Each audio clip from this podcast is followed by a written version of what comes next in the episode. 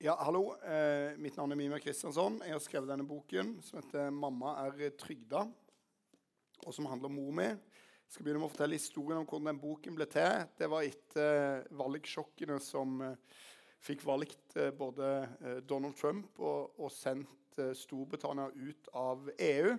Så spurte en forlegger meg om jeg kunne tenke meg å skrive en bok om norsk white trash.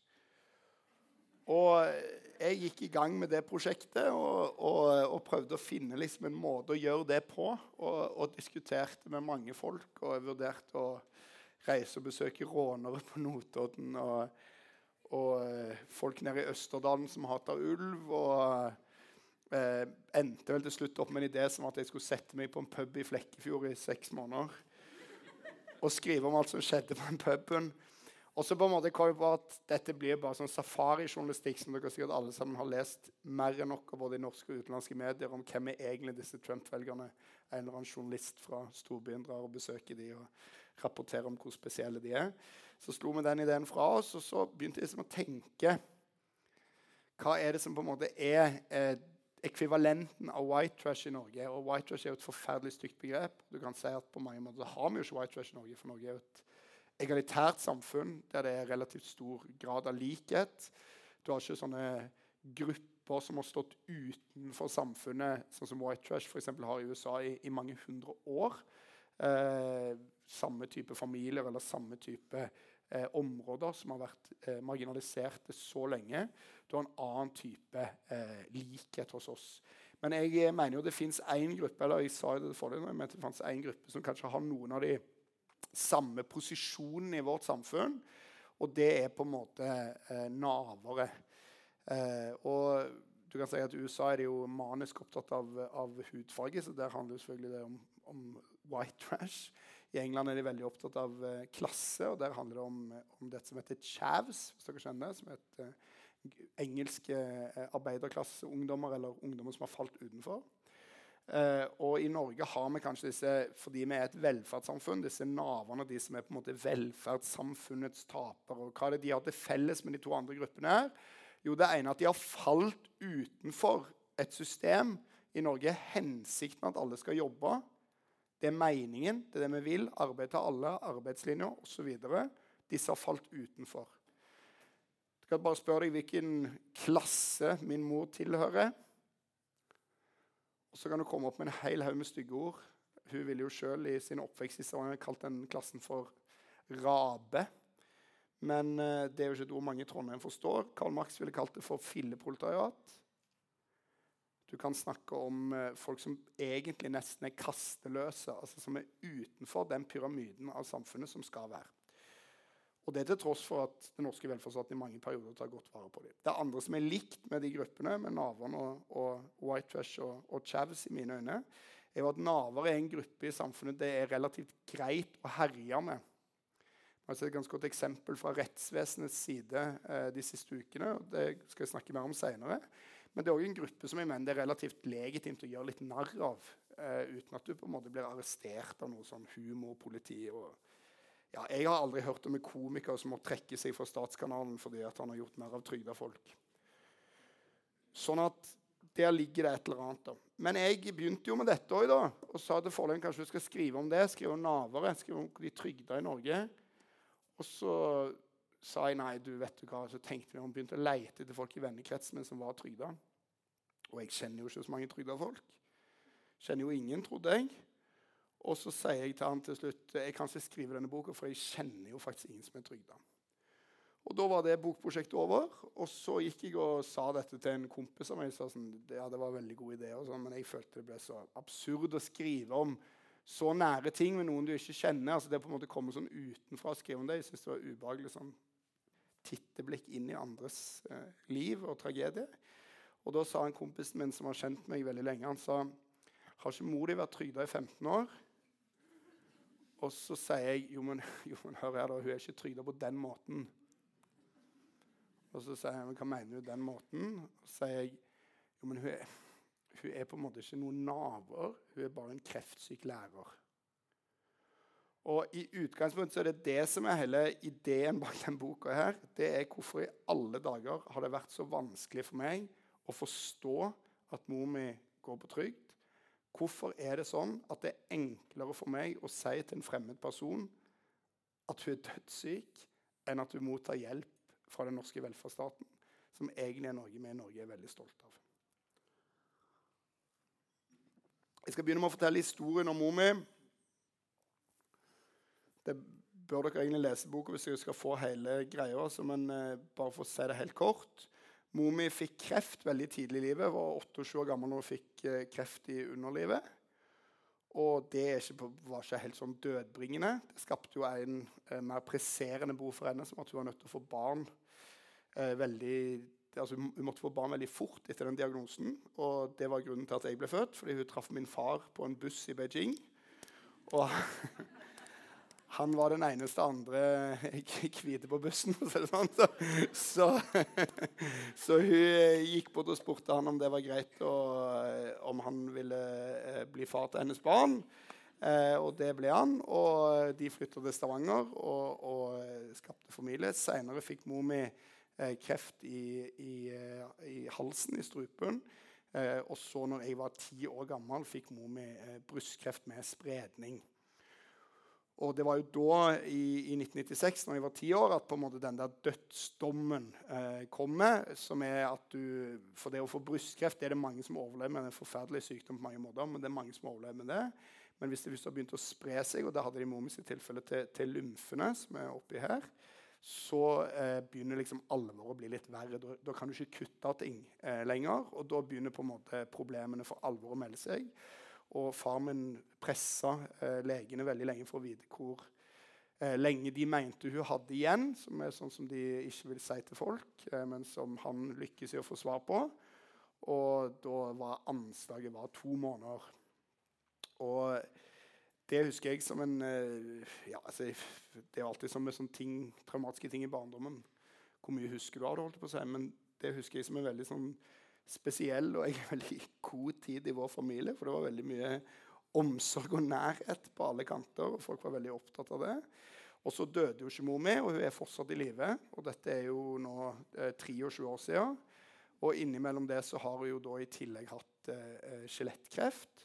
Eh, akkurat nå er det litt diskusjon mellom ulike leger på om den skjelettkreftdiagnosen kan ha vært feil. Så det er jo medvirkende til å forklare hvorfor hun lever. da, men hvis det stemmer, men det, litt, det ble hun diagnostisert med.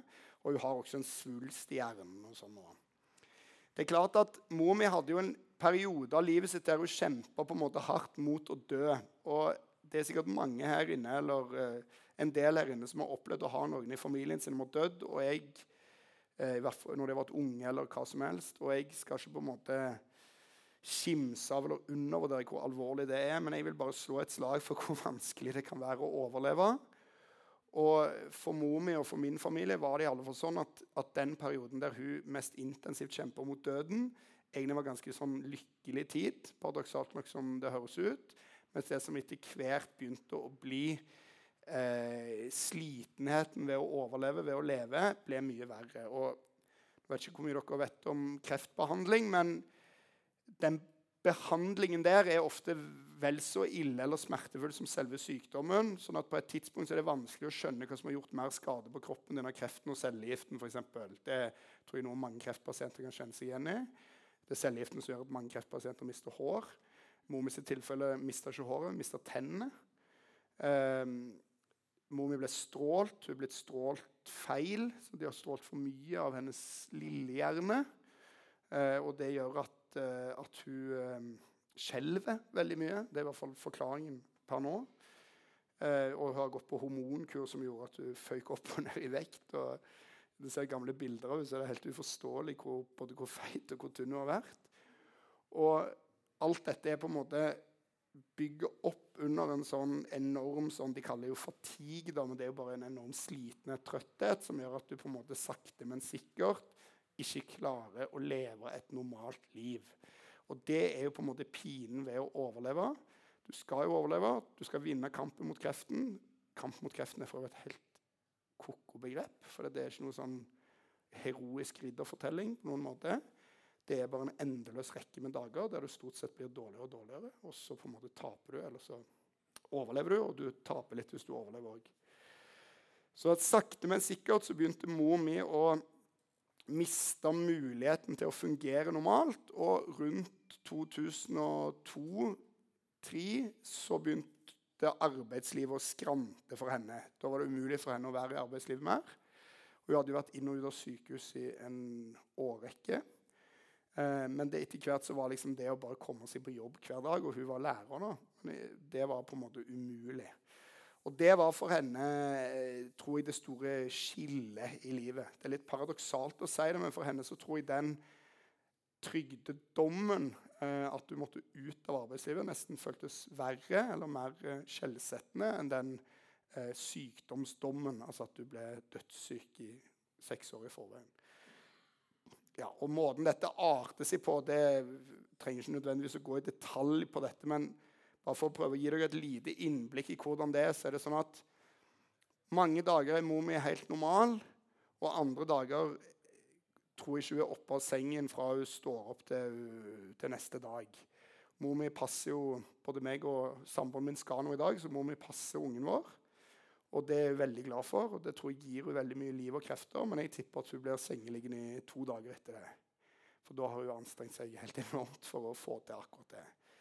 Eh, og hun går på ja, altså, hun, går, jo på morfin, og det har hun gjort eh, i, nå i ja, siden 96. Da, så det begynner jo å bli en god stund. sånn at det er en enorm mengde sånn, bivirkninger av medisiner osv.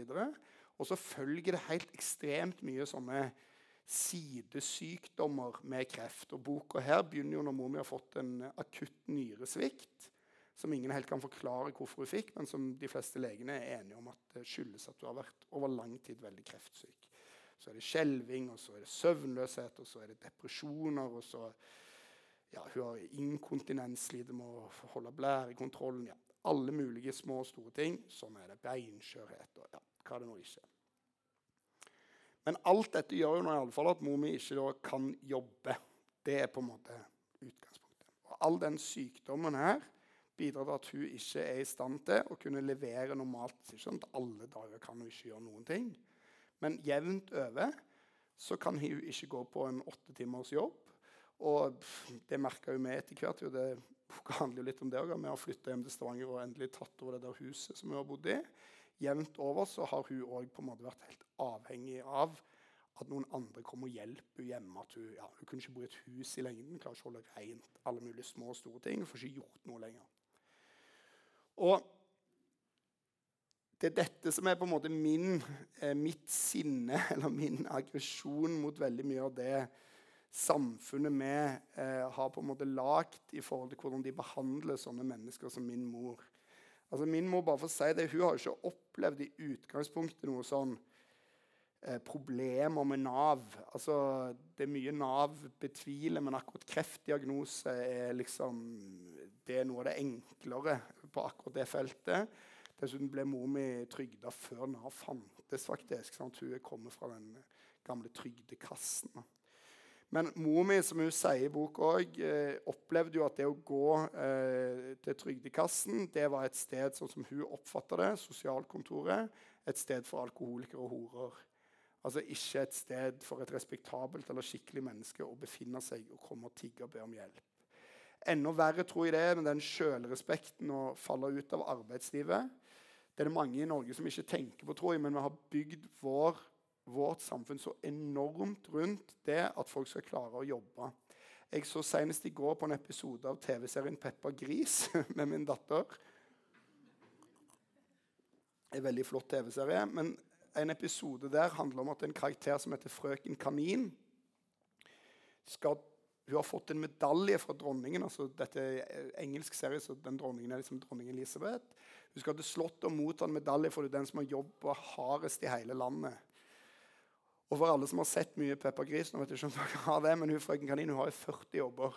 Altså Hun jobber jo i butikken, hun flyr jo helikopteret, hun kjører jo båsbilen. Hun, altså hun gjør alle jobbene. altså Hva gjør de andre voksne i den serien? Det er helt uforståelig. Frøken Kanin gjør alt. Og det som i tillegg er det sånn utilsikta, spesielt den litt morbide utilsikta tingen her òg, er at når hun kommer på dette slottet, så besvimer hun hele tida. fordi at du blir så imponert over å se dronningen. Eller kunne man i en virkelig verden tenke seg at hvis du har 40 jobber, så besvimer du hele tida fordi at du er så utrolig sliten? Og jeg bare mener at den moralen i denne serien som min datter ser på i en alder av to og et halvt år, er at du får en medalje hvis du jobber aller hardest.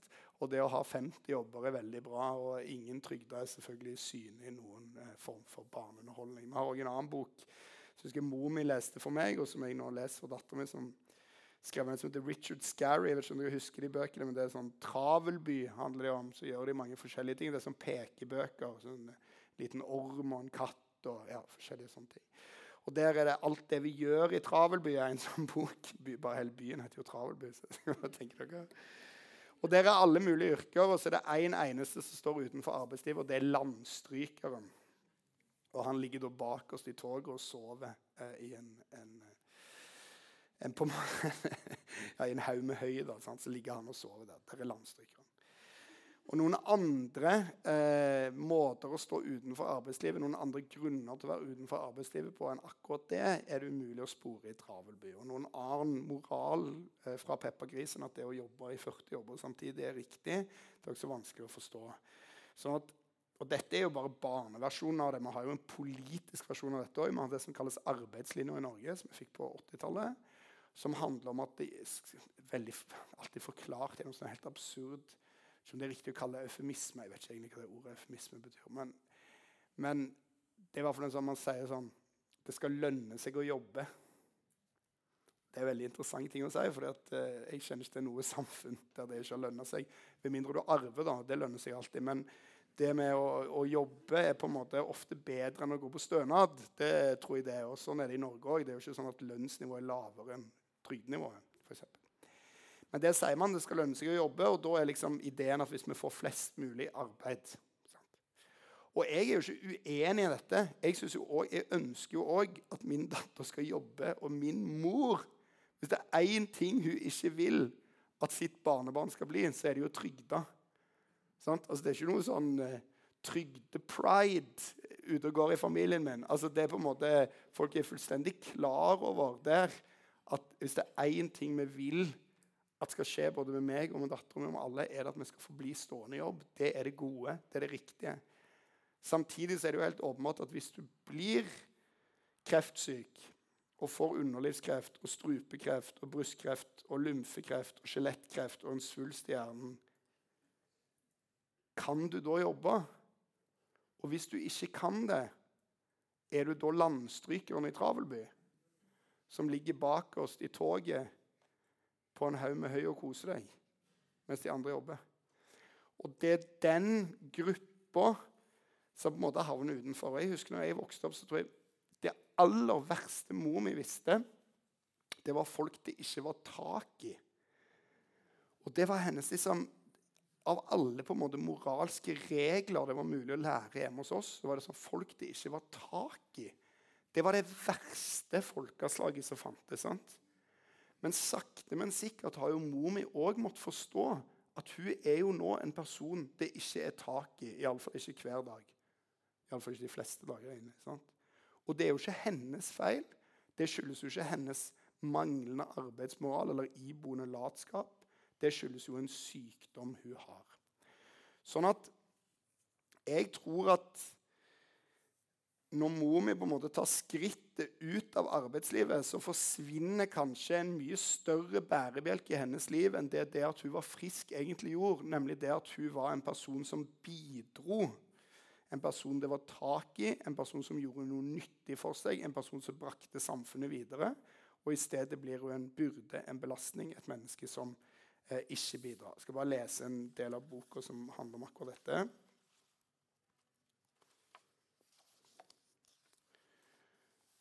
For det må jo også si at når mor mi har disse tankene, så er det ikke sånn at hun har kommet på dette helt sjøl.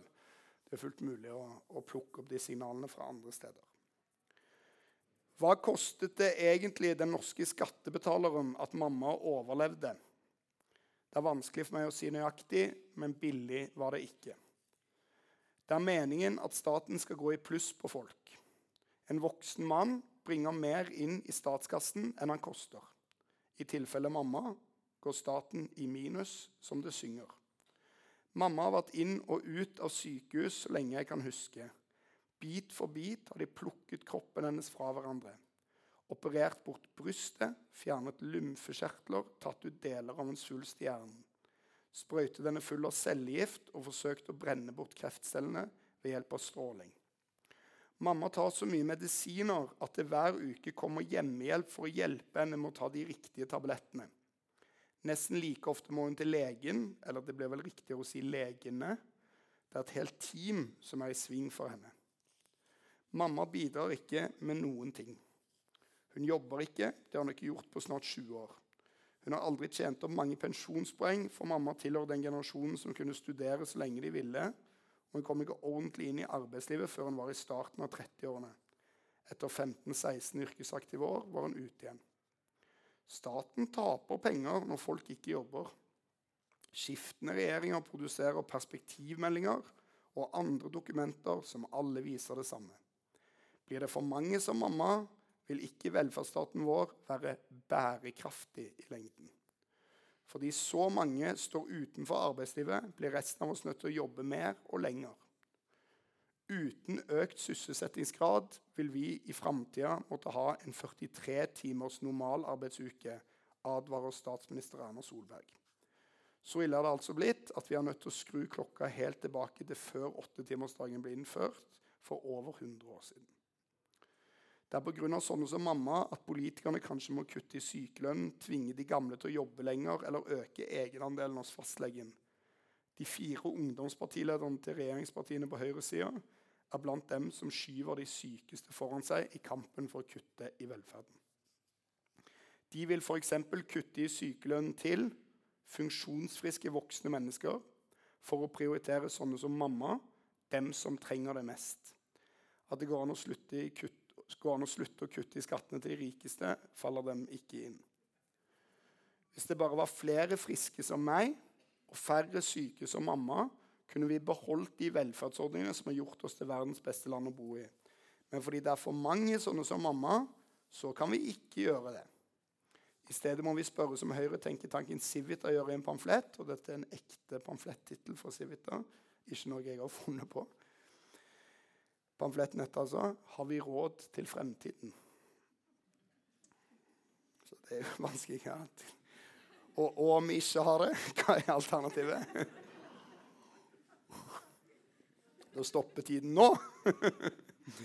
Selv om hun ikke jobber, får mamma penger fra ett sted, nærmere bestemt Nav. Hun blir altså betalt av staten for ikke å jobbe. Det heter uføretrygd. Uføretrygda folk er det mange av i Norge. Altfor mange skal vi tro politikere og samfunnsliten. Trygdebølgen er den største trusselen mot norsk økonomi, sier tidligere NHO-sjef Kristenskogen Lund. Trygdeeksplosjonen er en udetonert bombe under velferdssamfunnet, sier Høyres Torbjørn Røe Isaksen. Vi venter på en uføreeksplosjon som kan sprenge hele den norske modellen, mener Civita, som er jo kjent som den norske modellens varmeste forsvarer. Det står om hele vår måte å leve på, intet mindre. Statsministeren snakker om det på samme måte som hun snakker om klimakrisa, om velferdsstatens bærekraft. Dagens velferdssamfunn er ikke bærekraftig over tid, sier Erna Solberg. Det betyr at det er for få som bærer, og for mange som trenger å bli båret. Mamma er ikke dummere enn at hun skjønner alt dette. Hun gjør ikke annet enn å sitte hjemme og se på TV, som det ofte får trygda folk, tror jeg. Og Da er det ikke til å unngå at hun hører folk som Kristin Skogen Lund og Torbjørn Røe Isaksen, friske og raske begge to, med godt over millionen i årslønn, fortelle om trygdebølgen og trygdeeksplosjonen, og om hvordan velferdsstatens bærekraft kommer til å kollapse under vekten av alle de trygda og syke som bare lever lenger og lenger og som ikke bidrar med noe annet til samfunnet enn å tømme statskassen. Hva er hensikten med å bruke hundretusenvis av kroner, kanskje over millionen, hvert år på å holde mamma i live? Mamma kommer uansett ikke til å bli frisk. Det er bare et spørsmål om å forlenge livet hennes, om å dempe smertene bitte litt. Mamma er det motsatte av hva økonomene kaller helseøkonomisk lønnsom. For hver krone staten bruker på å hjelpe mamma, får den ganske lite helse igjen. Følger man økonomenes måte å tenke på, er det noen helt andre enn mamma staten bør prioritere. Hvorfor skal våre skattepenger sløses bort på en som aldri kan bli frisk, framfor å hjelpe noen som har sjansen til å leve et fullverdig liv? Gjennom hele menneskehetens historie har målet vært at livet skal vare så lenge som mulig. I all vår tid har økt levealder vært det fremste målet på et samfunn i vekst og framgang. Nå er økt levealder blitt det store problemet. Skal man tro det de sier på TV, er velferdsstaten Norge i ferd med å drukne i en bølge av eldre, syke og uføre, og en av dråpene i den bølgen er mamma. Altså Bare sånn Jeg skal prøve å gå gjennom hva jeg mener er på en måte hovedproblemet med måten vi snakker om trygda folk i vårt samfunn på. Og det tror jeg handler om tre ting. Det første det dette handler om, nemlig pengene. La meg bare få si en ting. Altså, jeg er ikke i tvil om at det koster penger å holde syke folk i live. For det er helt riktig.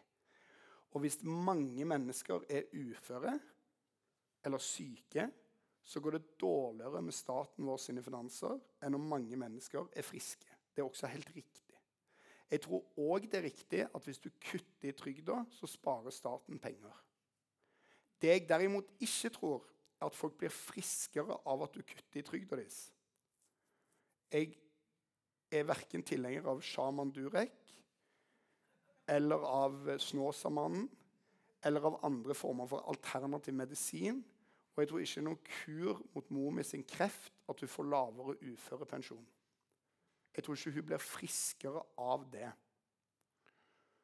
Sånn at når man har den ideen om at man skal kutte i trygdene for å gjøre folk friske, at det er det som skal bidra til at folk går i arbeid, så baserer det seg på en tanke om at trygdekutt skulle ha en eller annen form for medisinsk effekt, som jeg tviler veldig på.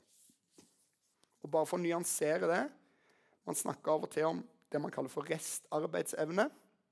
Det er jo et veldig flott ord. Og det er jo helt riktig at alle trygda mennesker har en eller annen form for restarbeidsevne. Det er heller ingen vits å late som de ikke har. Hvis mor mi holdt på å sulte, så er jeg helt sikker på at hun kunne sittet på gata og tigge. Det gjør hun ikke i dag. Så det er restarbeidsevne. Det er et eksempel på restarbeidsevne. Hun kunne savne flasker de dagene hun var oppe og gikk i kraft til det. Mer sånn mindre dramatisk, selvfølgelig. Jeg kunne forsørge henne. Hun bodde hjemme hos meg framfor at hun fikk sine egne penger. Så måtte jeg jobbe, og så betalte jeg for henne. Kanskje kunne hun var, ja, Før hun begynte å skjelve sånn på hendene, var mor mi veldig flink til å brodere. Hun kunne brodert noen greier, hun kunne solgt til folk. Så restarbeidsevne fins det jo. Spørsmålet er jo hvor grensen vi som samfunn setter for når vi skal tvinge folk til å bruke den restarbeidsevnen. Altså Et menneske som dør de neste 20 sekundene, har jo en restarbeidsevne til å på en måte rope en siste gang. Why? Sant? Sett på film. Men poenget er bare skal vi tyne det ut av folk eller ikke? Og det er jo klart at Våre syke har jo akkurat den samme restarbeidsevne som de syke og uføre har i Chile eller i Sør-Afrika eller i Bangladesh. Og der sitter de på gata og tigger eller bor hjemme hos ungene sine. Hos oss er det velferdsstaten som tar vare på dem. Det som derimot ikke er riktig, er at du blir syk av å få trygd på den måten. Sånn at Det er det ene sentrale poenget. Du kan selvfølgelig spare penger på kutt i trygdene. Men det du hovedsakelig gjør da, er å kutte i trygdene til folk som er syke eller uføre. Så er det det andre, da. Og det er det var det som var så utrolig for meg når jeg begynte å tenke på denne boka, at jeg aldri har tenkt på mor mi som trygda. Hvorfor tenker jeg ikke på mor mi som trygda? Det er jo fordi at jeg har et bilde i hodet mitt av hva en trygda person er. Hva slags trygda menneske skal være. Og mor mi er ikke sånn. Mor mi kommer fra jeg vil ikke si sånn overdrevent gode kår, men hun er på en måte fra en så småborgerlig Stavanger-familie og den typen som på en måte skryter opp hvor mye penger de har hatt. Og, og, på en måte vi har vokst opp i en villa, liksom, så det er jo flott. Og, og i tillegg har hun studert. Hun har bodd i Kina. Hun er lærer høyere utdanning. alt mulig. Så hun er på en måte ikke en trygda sånn som jeg ser det. Men hva er det for slags fordomssystem? Altså uføre personer, 340 000 i Norge. Altså Kreft rammer jo helt blindt. Sant? Det gjør riktignok ikke trygt, men det er fordi at noen yrker er tøffere å jobbe i enn andre. For den andre store gruppen som går på trygd i tillegg til de syke, er jo folk som har jobba for hardt i arbeidslivet. Men den ideen om at trygda folk er en form for sånn norske Trump-velgere av et eller annet slag, som jeg kanskje har hatt, at det er noen folk som har vondt i viljen, at det er noen ungdommer som spiller dataspill for mye og har liksom diffuse psykiske vansker som egentlig ikke er reelle, at det er folk som er late, at det er folk som har blitt utsatt for å bruke et begrep som også er veldig stygt, nemlig trygdesmitte fra sine familier. Folk som ikke gidder å jobbe. Den ideen tror jeg er feil. Det betyr ikke at jeg ikke tror den ideen ikke finnes. Jeg bare tror den ideen er utrolig lite dekkende for hva som er den jevne trygda i Norge. Vet dere hvor begrepet naver kommer fra? Det kommer av at NRK Hedmark på et tidspunkt lagde en reportasje om at i byen Kongsvinger, som hadde høy arbeidsløshet og mange som falt fra i skolen, var det én som jobba på Nav-kontoret, som sa at her er naving blitt utbredt blant en del ungdommer. Naving skal da forstås som at man går på Nav som et alternativ til å jobbe av fri vilje. Det første som skjedde, var at Nav nasjonalt rykka ut og sa at naving er ikke et problem i Norge. Det stemmer ikke. Det er ingen indikasjoner på seg. Dette er bare tull. Det neste som skjedde, var at naver ble kåret til årets nyord i Norge. Av Språkrådet. Og siden har man hatt det ordet fordi dette vil folk tro på. Sant? Det er dette de vil tro. Det er dette jeg ville tro på. Det er derfor jeg ikke tror på at mor mi er trygda. For jeg vil jo tro at den trygda er noen andre som egentlig kunne jobba, som egentlig kommer fra en annen situasjon, som egentlig ikke er så syk. Og det er akkurat samme Når jeg møter høyrepolitikere og snakker om mor mi, så er det fordi mor mi har kreft, som er veldig sånn åpenbar diagnose. Så er det sånn Jo, men det er ikke sånn som mor di vi mener. Nei, men når du kutter i pensjonen til uføre, så er det sånne som mor mi du rammer. Og Nav-skandalen som har ramma nå, den er ikke pinpointa mot de fire ungdommene på Kongsvinger i 2011. Den har ramma en haug med folk i Norge hvor mange er alvorlig syke har hatt alvorlige grunner til å stå ut for arbeidslivet. Og Da er spørsmålet fins det noen som er navere. Sikkert. Akkurat som det fins folk som snulter på skattesystemet, som svindler på forsikringen, som sniker på trikken, som nasker i butikken, som gjør alle tingene her. Ja, selvfølgelig gjør det sikkert det. Men er det dekkende? Er det noe grunnlag for å si at det er dekkende for trygdebefolkningen i Norge? som er mange hundre tusen folk, at de ikke er syke, at det er et slags sånn mentalitetsproblem de har? Nei, det er det ikke. Og Det er derfor det blir så absurd når du hører folk som f.eks. statsråder først fra Bjarne Håkon Hansen fra Arbeiderpartiet og så gjentatt av han Robert Eriksson fra Frp at, at folk som er arbeidsløse, må, må lære seg å stå opp om morgenen. Jeg har bare ingen tro på at det vanligste problemet til arbeidsløse folk er at de ikke har vekkerklokke. Det er på en måte, det er det ingen grunnlag for å mene. Det er sikkert en og annen slakkas alle steder. Men det vanligste grunnen til at det er arbeidsløshet, er at folk ikke har jobber. Sant? Men i tillegg akkurat det samme har du med det trygdemistanke. Ideen er noen få kanskje snulte. Det er sikkert helt riktig. Jeg har ingen grunn til å hevne noe annet. I alle fall. Men det store flertallet gjør det ikke. Og likevel er all stigma kasta også i deres retning. Og Der er jo den Nav-skandalen vi har sett eh, nå de siste ukene, som jo er en helt grotesk skandale.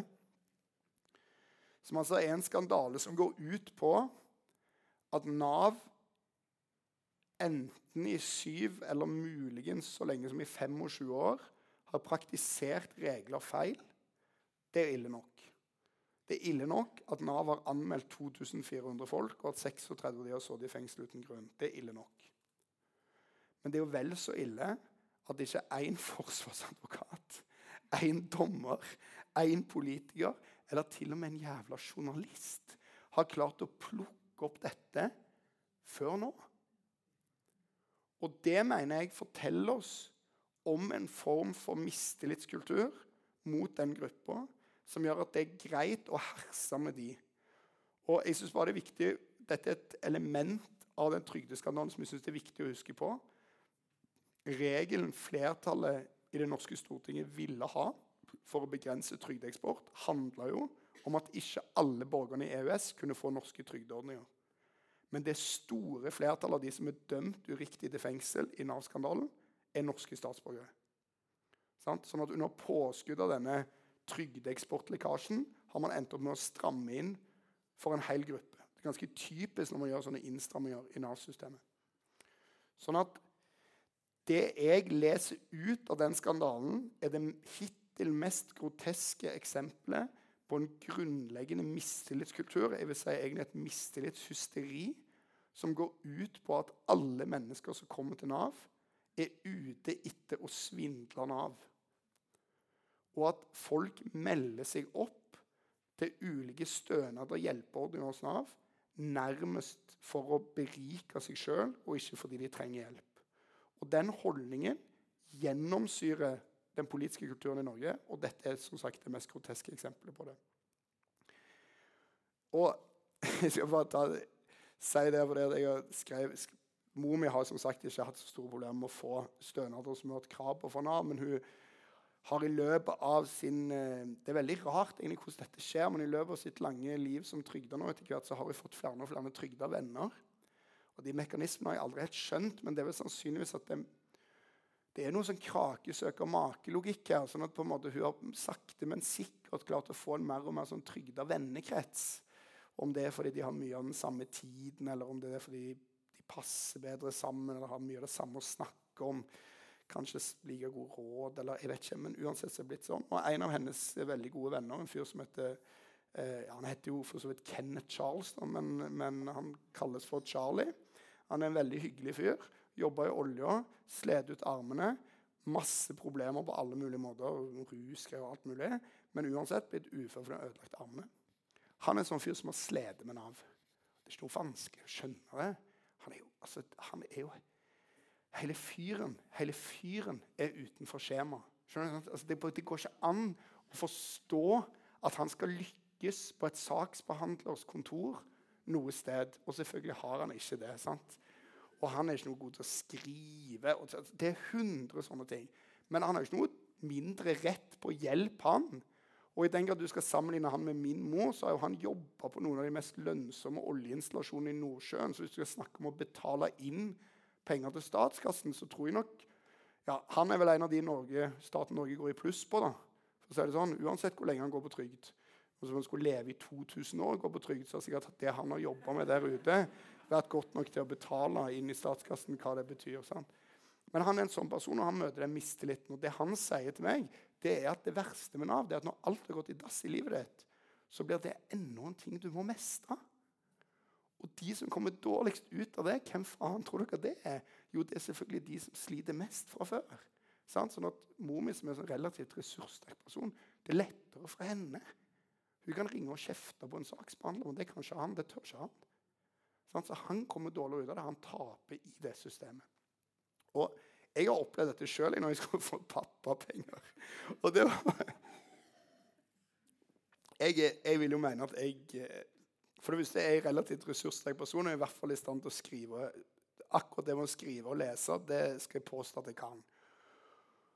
Og jeg kommer på en måte dit, og jeg skal lese et skjema og et eller annet. Og det bare er Altså, Det tar meg 20 minutter, og etter 20 minutter så har jeg på en måte all sjøltillit jeg har hatt. Altså, Jeg vet ikke hvem jeg er lenger sjøl. Alt har brutt sammen. Jeg skjønner ingenting. Hvor skal jeg finne skjema? Hva skal jeg gjøre? Prøver å ringe. Det går selvfølgelig ikke an. Snakker med Navs chatbot Frida. Altså, alt dette er på en måte helt ute. Og så er det bare hele systemet er konstruert for at du skal føle deg liten. Og det er så absurd. Jeg bare merker hvordan de titulerer det. Bare se på det språklige. For eksempel, jeg får jo en unge. Da må jeg levere en søknad om pappapenger. Ikke noe søknad. Jeg har ungen. Gi meg pengene. Det er en rettighet det er i Norge. Jeg skal ha pappapenger. Jeg søker ikke dere. Det er ikke riktig. Dere er her for å gi meg min rettighet, pappapenger. Og det samme når jeg får søknaden, så får jeg et brev det står 'vedtak'. Dere har ikke gjort noe vedtak. Har du så noen gjort et vedtak? Det er en helt latterlig måte å tenke på. Jeg har rett på pappapenger. Du skulle så Gratulerer, du får utbetalt pappapenger. Men det er på en måte Nei, vedtak. Også, jeg vet ikke om dere har fått brev fra Nav, men i tillegg så har de jo valgt å benytte seg av den fonten som er sånn Gestapo-font fra krigen. Så var alt er bare ned på detaljnivå ut ifra at alt skal føles sånn ubehagelig og komplisert i alle møter med dem. Og det er en mistillitskultur som gjennomsyrer hele systemet. og sånn som jeg ser det, er det et direkte resultat av de to tingene som ligger før. Det er først en idé om at vi har ikke råd til dette. At vi må kutte, kutte, kutte. kutte. Og så en idé om at de menneskene som møter opp for å få ordninger, de er ute etter å svindle. De er ute etter å lure. Og dermed skaper vi denne mistillitskulturen og dette mistillitshysteriet. Og resultatet av det det mest ekstreme resultatet av det det ser vi nå, det er at Nav bryter alle mulige lover og regler for å tyne folk for penger, når de egentlig burde ha rett på hjelp fra den norske velferdsstaten. Og Når jeg kan si at jeg ikke syns det er enestående, så er det fordi at jeg vet om 100 eksempler som er nærmest like graverende. Jeg skriver i bok om ei jente som var på Utøya 22.07. som Nav har ikke trodd på at hun har posttraumatisk stress. Og jeg, bare, jeg, jeg, er ikke i stand til å forstå hvordan det er mulig å sette en fagperson For hennes psykolog har jo sagt hun har posttraumatisk stress. Men de vil selvfølgelig ha sin egen alternative fagperson. Og han har funnet ut at hun ikke har det. Dette er altså mennesker som er blitt skutt av Breivik. Og Det er helt absurd, men sånne eksempler, små og store, finner du hele tiden i det systemet. Og det er fordi, ikke fordi de menneskene som jobber i Nav, er dårlige mennesker eller slemme mennesker. Tvert imot ganske bra mennesker som jobber i Nav. Men det er hele veien et styringssignal ovenfra om at du må kutte, kutte, kutte, kutte. Og i tillegg at de som kommer der, de er ute etter å grafse til seg mer enn de har krav på. Det skaper denne kulturen, og det er ekstremt uheldig og dårlig. Det jeg bare skulle si til slutt, som på en måte, hva er alternativet til dette? Og det er sånn på en måte veldig vanskelig spørsmål å svare på. Jeg har ofte tenkt på sånn Kunne vi ikke hatt et tillitsbasert trygdesystem i Norge? Så sier folk sånn, Det er helt sykt, da vil jo folk gå på trygd hele tida. Og det, for det første er jeg ikke sikker på om det er sant. Men for det andre så har vi et tillitsbasert skattesystem i Norge. og Der svindles det 150 milliarder kroner i året. og Det er det absolutt ingen som syns er noe problem eller noe grunn til å endre på. Eh, og det flyttes, Hvis du tenker på hva disse her i Nav-skandalen har tatt med seg av penger ut av landet altså Det blir bare en komisk Det blir bare en vits sammenlignet med hvor mye penger Google og Facebook tar til landet vårt. Sant? Men uansett, da. Hva er det egentlig jeg vil fram til? Jo, på en eller annen måte så er jo de tingene der at du må stille krav til folk som skal få ytelser fra velferdsstaten. At staten selvfølgelig må ha et mål at flest mulig skal være i jobb. At vi ikke kan bruke stadig større del av statsbudsjettet vårt på trygd. Alle disse tingene er jo sanne. Men jeg bare tror at denne metoden ikke funker. At det å kutte i trygdene til folk gjør de ikke friskere. Og hadde den metoden funka, så hadde vel yrkesdeltakelse i Norge gått opp siden arbeidslinja ble innført på 80-tallet. Men den har gått ned. Den har gått kraftig ned. Færre og færre jobber. Til tross for at det blir stadig vanskeligere å fylle ut et skjema. Og Det leder meg til å tro at problemene med å ha folk i arbeid skyldes helt andre ting i arbeidslivet. Du må løse arbeidslivets problemer i arbeidslivet og ikke i trygdesystemet. Og jeg tror at du kan finne ganske mye av dette hvis du bare ser på arbeiderbevegelsens historie. fordi at Arbeidslinja kom på 80-tallet, men parolen 'arbeid til alle' kom jo på 30-tallet. Og når den kom, var ideen at staten skulle sette alle i arbeid. Men nå er jo ideen at staten skal kutte i folks trygder og eventuelt sende dem på kurs. Den metoden har synlig for meg ikke funka. Og det betyr at er målet å få flere i arbeid, så må man engasjere seg i å lage jobber til folk på en annen måte. Og Det samme gjelder jo når man ser på Nav-systemet. Dere bør gå inn på YouTube og se et søkt opp det er et intervju med Einar Gerhardsen der han snakker ti år etter krigen. Forteller om eh, hva de har gjort, hva de har fått til i gjenreisningen. Og en av de tingene han sier som han er mest stolt av, er at under Arbeiderpartistyret i Norge så har utgiftene til trygd firedobla seg. Det er, hans, det, er hans, det er, hans, største bragd. Det er han kjempestolt av. Og hva er grunnen til det? Jo, fordi at de pengene har gått til folk som har det dårlig. Det er penger som er overført fra folk som har det bra, via skattesystemet til folk som har det dårlig. Og Sånn er det delvis i dag òg. Det kan sikkert finnes en del folk som du kan få ut i arbeid, og som vil ha det bedre av å jobbe litt enn å være trygda hele tida. Det tror jeg det gjelder mange trygda. Men når vi kutter i trygdesystemet for å kutte i skattene, så skjer det som skjer mellom meg og min mor. Nemlig at jeg får skattelette, og hun ikke får dekka egenandel hos fysioterapeut. Sånn at jeg får litt mer i måneden, men hun må betale litt mer hos fysioterapeuten. Dette, ingen, dette, er ingenting annet enn en omfordeling av penger. Det er ikke noe sånn statens økonomi er bedra av dette. Det er en omfordeling av penger fra hun som er syk og har dårlig råd, til meg som tjener bedre og har god råd og er frisk. Foreløpig, Sånn at hvis det er én liksom, bønn jeg har med denne boka, her, og jeg mener den Nav-skandalen har vist det ekstremt stor grad, så er det at vi er nødt til å tenke annerledes om måten vi ser på trygda folk. Vi er nødt til å forstå at de aller, aller fleste som er trygda, er det fordi de har en god grunn. De er syke, de har slitt seg ut på jobb, og de trenger hjelp. Og vi i Norge bør være stolte over at vi har et bra trygdesystem som koster mye penger, istedenfor å hele veien jobbe for å rive ned det samme systemet. Takk.